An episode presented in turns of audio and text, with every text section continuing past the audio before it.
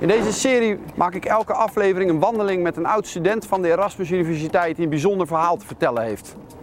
En in deze aflevering is dat Joyce van der Niet, die als kwartiermaker, zoals ze dat zelf omschrijft, spin in het web is van de grote transitie waar de Rotterdamse zorg voor staat. Een zorg die, zo weten we allemaal, piept en kraakt in zijn voegen afgelopen jaar. En als we niet uitkijken de komende jaren onbetaalbaar wordt. Hoe moet het dan wel? Daarover ga ik met haar praten.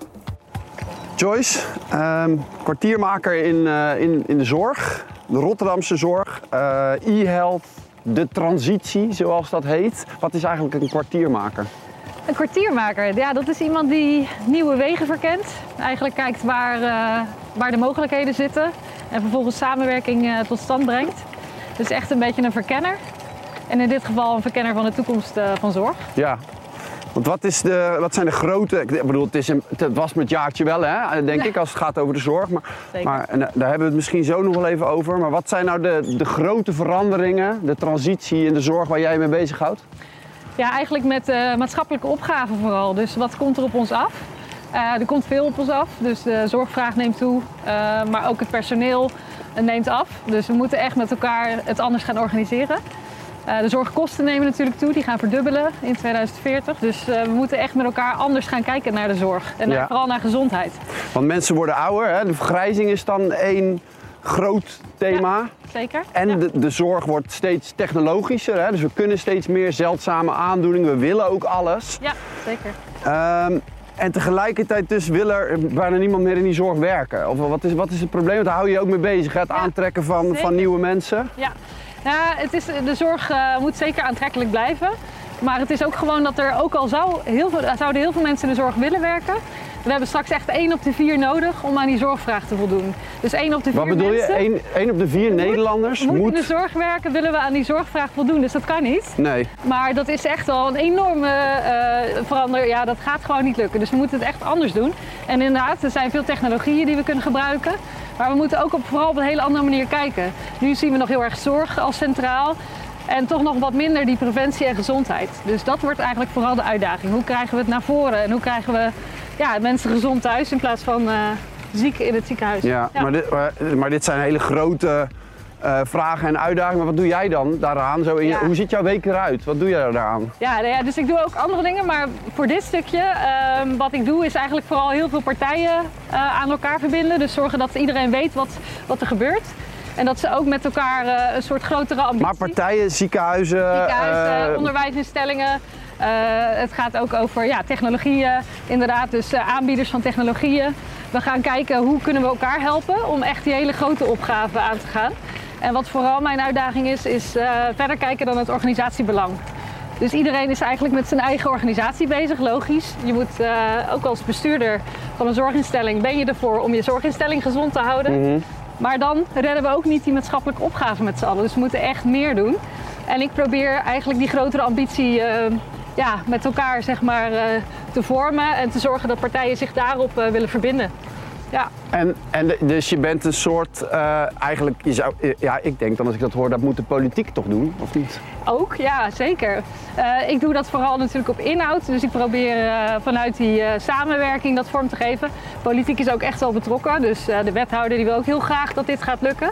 Ehm, maar eigenlijk politiek, dus de gemeente, zorgen met de overheid, zorgverzekeraar, zorgkantoor, zorgbestuurders, onderwijsbestuurders. Die moeten eigenlijk allemaal met elkaar gaan samenwerken. En dit is dus vanuit de Rotterdamse zorg, eh, vanuit de arbeidsmarkt ingegeven. Want we hebben gewoon niet genoeg mensen straks. Eh, Dat is uitdaging nummer één voor jullie eigenlijk. In Rotterdam Precies, zorgen dat je genoeg mensen straks aan het bed Ja. eh, hebt. Ja, en dus als dat eh, niet lukt, dan moeten we de zorgvraag naar beneden krijgen. Dat is een beetje natuurlijk, eh, en dat is sowieso wat we willen. Maar dat is ook echt vanuit die arbeidsmarkt nodig. Dus, eh, en daar moeten we echt met elkaar op samenwerken. Dat kunnen wij niet alleen. En dat, moet, ja, dat kan niemand alleen, dus dat moeten we echt met elkaar doen. Ja. En, wat, ja. en, wat voor, en wat heb je dan nodig om dat te kunnen, om een soort koppelbaas te zijn? Wat zijn de talenten die je daarvoor in huis moet hebben? Ehm, nou, ik denk eh, aan de ene kant, je moet natuurlijk eh, kunnen samenwerken en kunnen verbinden. Je moet ook eh, ja, mensen aan je, je moet mensen een beetje verleiden om ook mee te gaan. Dus je moet ook wel zorgen dat het positief is. En tegelijkertijd moet je ook zorgen dat, ja, dat je op een bepaalde manier openheid creëert. Dus ik vind het belangrijk om alle belangen ook op tafel te kunnen leggen. Ook vanuit iedere partij. Want je kunt wel zeggen dat je samen wil werken, maar het gaat uiteindelijk ergens pijn doen. Want Mhm, niemand gaat hier ongeschonden uitkomen. Op een vrolijke manier, moet, je dan, manier, moet je dan ja. uitleggen Precies. Ja. hoe, die, hoe die belangen tegen elkaar indruisen. Ja, en dan ook zeggen van nou, het gaat misschien pijn doen, maar hebben we het met elkaar ervoor over? Omdat we zien dat we, ja, voor de maatschappij kunnen we niet anders. En eh, dat stukje openheid en eh, ja, ik denk dat je dus eh, kansen moet zien, maar ook bepaalde creativiteit om dat gesprek goed te voeren. Ehm, en dat doe ik echt niet alleen, hè? dus dat doe ik met allerlei mensen, gelukkig. Maar ik ben wel iemand die nou ja, een bepaalde snelheid heeft, probeert aan te jagen en eh, ja, toch ook die grotere ambitie wil nastreven.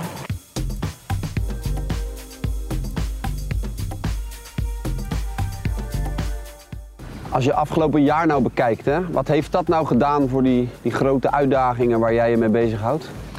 Ja, het heeft het eigenlijk veel meer nog op de agenda gezet. Eh, in het begin had ik dus de opdracht om een schets van de toekomst te maken. En eh, toen brak net de coronacrisis uit. En toen dacht ik, nou, dit wordt dus geen prioriteit.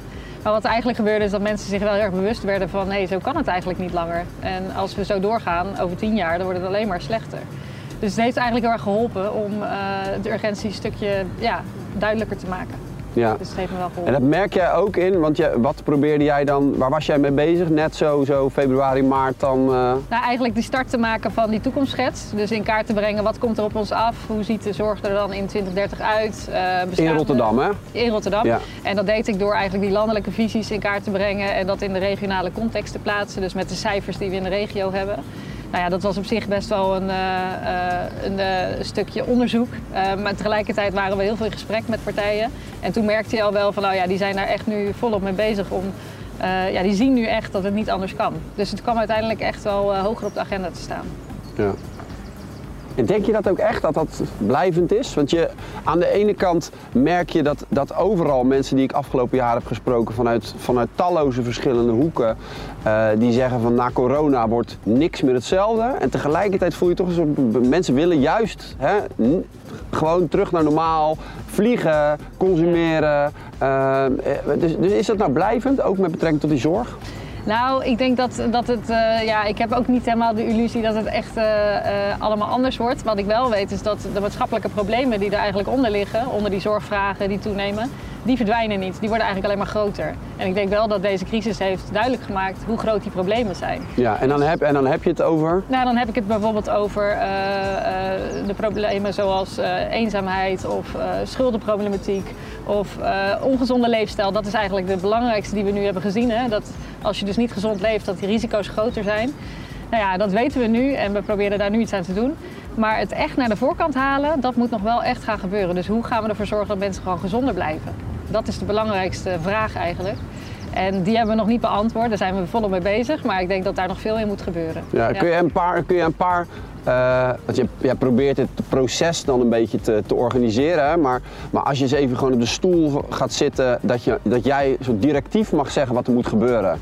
Ehm, wat, wat is dan het laaghangend fruit voor Rotterdam? Eh, ja, het laaghangend fruit. Eh, ik denk eigenlijk elkaar veel meer zien en veel meer eh, elkaar opzoeken. Dus als ik even heel erg klein kijk naar wat je kan doen, is toch wel echt die informele zorg. Dus veel meer kijken naar je buren, naar je buurman of je buurvrouw. Hoe gaat het met je? Kan ik iets voor je doen? Ik denk dat dat echt wel eh, heel veel kan uitmaken. Maar dit is niet, ja, maar dit is iets wat je, dat zou je willen dat dat gebeurt, maar dat, hoe organiseer je dat dan? Nou ja, dat is het punt. Eigenlijk moet de zorg wat minder organiseren en moet er toch nog wel weer wat meer eh, vanzelfsprekend ontstaan. Ik denk dat dat heel veel uit kan maken voor de toekomst. Als wij, als je De participatiesamenleving in, in optima Ja, forma alleen inderdaad eigenlijk. die term dan misschien niet, maar wel inderdaad eh, woonvormen waardoor mensen weer van nature elkaar zien. Hè? Gewoon letterlijk elkaar zien, een kopje koffie drinken, kijken hoe het gaat. Speciale woonvormen waarbij ouderen zich ook veilig voelen, maar waarbij er ook jongeren eh, kunnen wonen en die ook iets terug kunnen doen. Eh, ik denk dat dat soort, echt, dat, dat soort eh, ideeën eigenlijk heel erg welkom zijn. Gewoon voor de samenleving en daarmee uiteindelijk ook voor de zorg. Ik denk dat mensen nu heel erg, je kan kijken naar de zorg op het gebied van digitalisering, maar ik denk dat, dat het grootste verschil zit in de maatschappij. Als we met elkaar anders omgaan en meer verbonden zijn, meer vanuit vertrouwen en het hele systeem vanuit de zorg ook meer naar vertrouwen kan gaan, dan gaat het verschil gemaakt worden. Daar geloof ik in.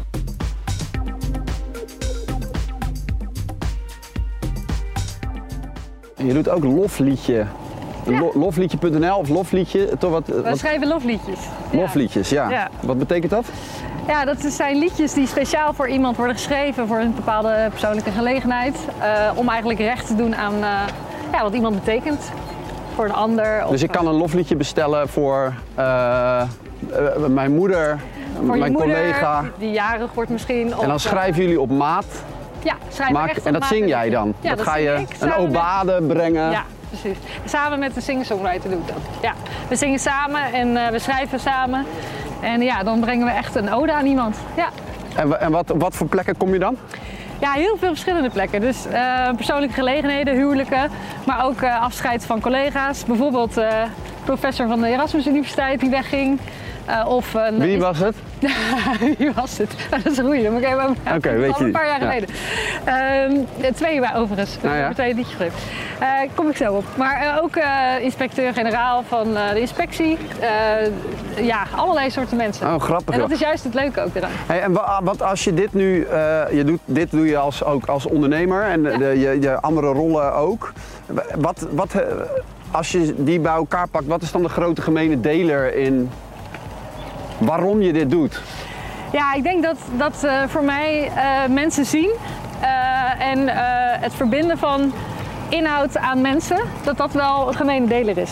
Dus als het gaat over toekomst van zorg, verbinden aan het hier en nu en ook aan wat betekent dat voor jou en wat kun jij bijdragen aan het toekomstbestendig organiseren, dat is iets wat ik doe.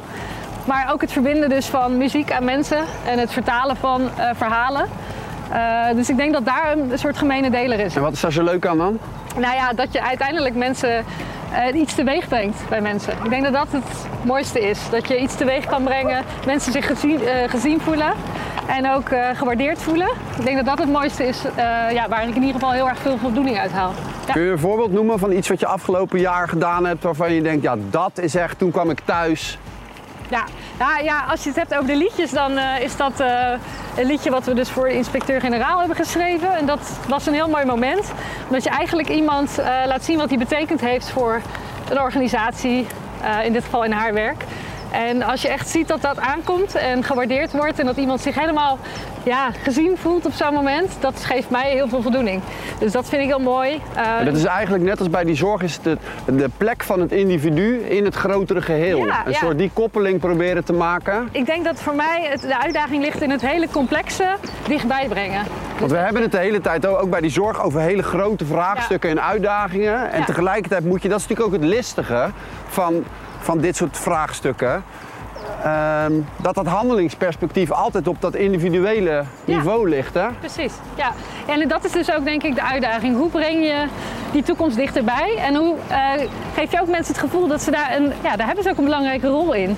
En, en, en dat gesprek aangaan, dat is inderdaad wel de uitdaging om dat te doen. Ja. Ja. En waar komt bij jou die inspiratie vandaan, denk je?